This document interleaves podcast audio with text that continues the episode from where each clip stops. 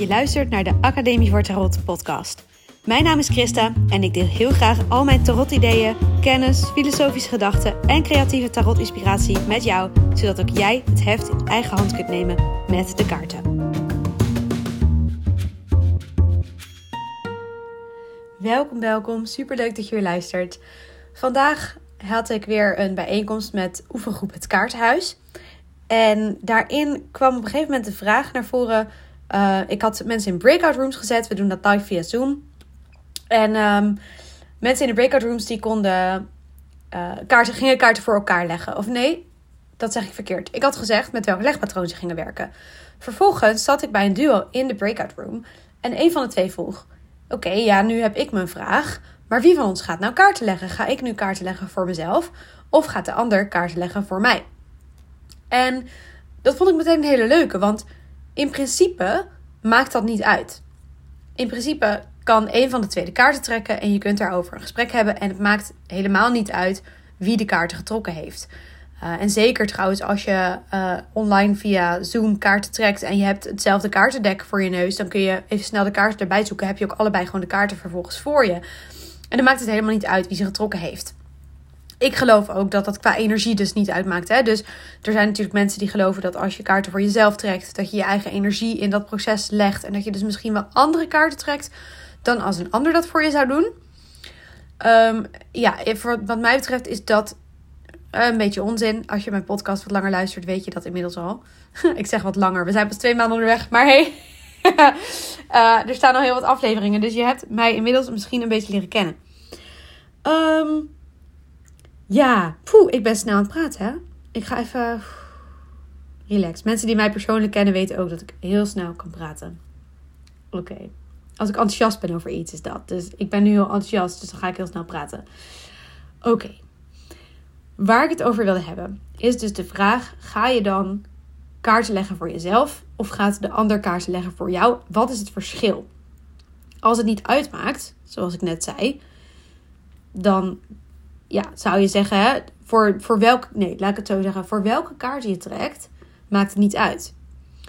Maar voor de dynamiek in het gesprek maakt het wel uit. En het interessante is, als mensen samen kaarten gaan duiden, dan is het logischer of natuurlijker als degene voor wie, de, voor wie het consult is ook zelf de kaarten trekt. En dan kan diegene namelijk als eerste reageren op de kaarten en dan kunnen andere mensen dat daarop aanvullen.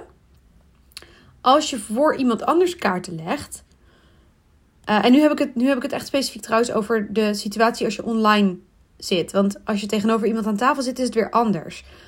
Uh, maar als je dus kaarten uh, online legt en je legt de kaarten voor iemand anders, dan is het logischer als jij zelf de kaarten trekt. Want dan ben jij ook degene die. Kijk, degene die de kaarten trekt, heeft de regie over het gesprek. Dat is eigenlijk wat er uh, gebeurt. Althans, wat mijn ervaring is van de dynamiek in Zoom-meetings of online. Als iemand anders kaarten trekt voor jou, dan is die ander ook geneigd om uh, de leiding te nemen over het gesprek. De eerste te zijn die vragen stelt over de kaarten. Dus degene die eigenlijk een beetje bepaalt welke richting het gesprek opgaat. En uh, als jij dezelfde kaarten trekt, heb jij zelf die regie in handen.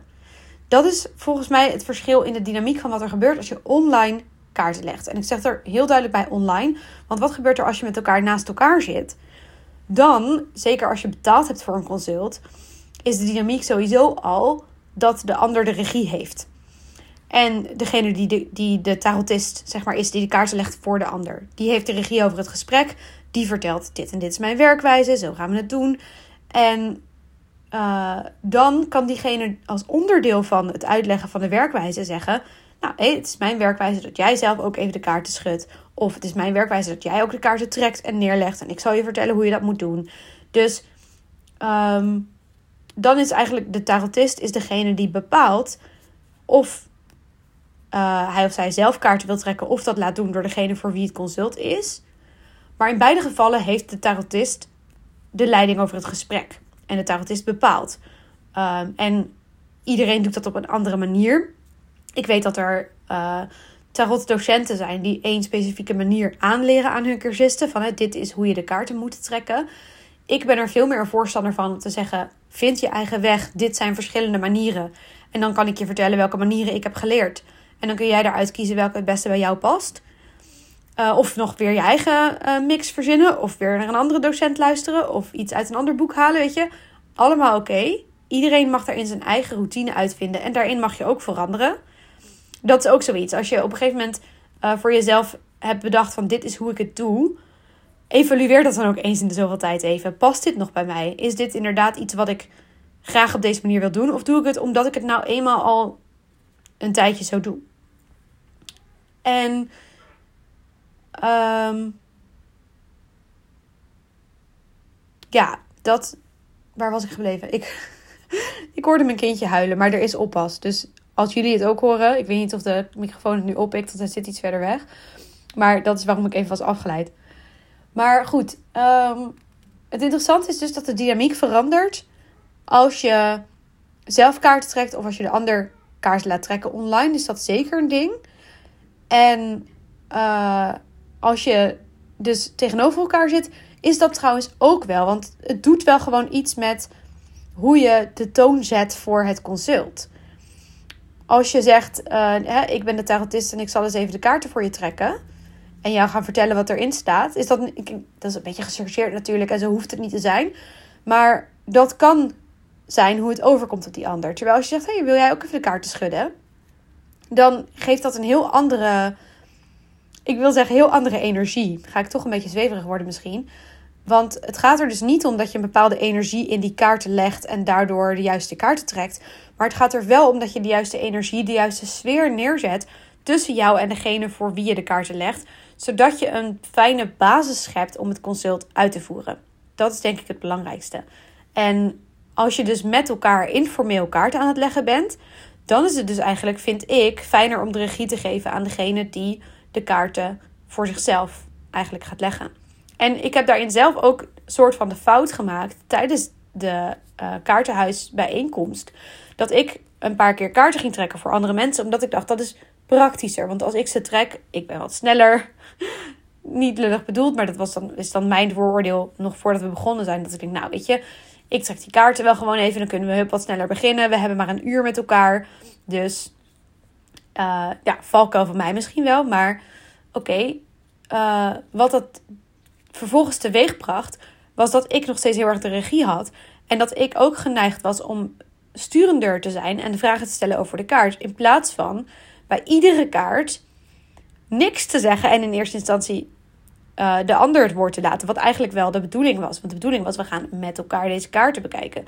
Maar wat er een beetje gebeurde was dat ik vrij snel al met mijn ideeën of dingen kwam of mijn sturing in het gesprek. En ik denk dat dat ook heel leerzaam was, weet je. Dus misschien moet ik mezelf daar ook niet in tekort doen. Maar de opzet van het samen oefenen was anders. En ik merkte gewoon dat doordat ik degene was die de kaarten trok, ik ook die regie behield. Kijk, ik ben ook docent, dus ik heb sowieso de regie. Maar als iemand zelf de kaarten trekt, is het veel meer. Weet je, dan heeft diegene ook de regie over wanneer die überhaupt zegt welke kaart die getrokken heeft. Dat is online natuurlijk ook een dingetje. Degene die die kaarten trekt, kan ze al voor zijn neus allemaal open hebben liggen en dat nog niet hardop hebben gezegd. Dus, nou ja, er speelt gewoon best wel veel mee eigenlijk in deze. Uh, ja, in deze dynamiek. En ik denk dat dit een interessant is om je gewoon bewust van te zijn als je met andere kaarten legt. Van hé, hey, in hoeverre doen we het samen en in hoeverre geef ik een consult aan de ander. En ook als jij een consult geeft, kan jouw manier zijn om samen naar de kaart te kijken. Ik ben een heel groot voorstander van. Als ik consulten geef, ben ik echt niet degene die alleen maar in mijn eentje aan het woord is. Maar uh, het stukje van de regie hebben, daar hoort wel uh, een andere. Ja, dat is gewoon een andere gespreksdynamiek. Dan wanneer ik met vrienden aan tafel zit en zeggen. Uh, vinden jullie het leuk om een keer een kaartje te leggen? Dan, dan neem ik veel minder die rol op me van coach. En is het veel meer, nou laten we gewoon eens even samen ontdekken, samen kijken. Wat zie je erin? En uh, dan ook, uh, dat is dan, dan heb ik het ook meer over een soort groepsetting. Waar je dus met meerdere mensen voor één persoon naar de kaarten kijkt. In plaats van een één op één gesprek. Dus ja, die dynamiek is gewoon anders. Maar het begon dus met de vraag: wie moeten de kaarten trekken? En er moet helemaal niks. Maar ik denk dat het dus wel interessant is om erbij stil te staan van tevoren en een bewuste keuze te maken. Ik hoop dat je hem weer leuk vond. dat was het voor vandaag.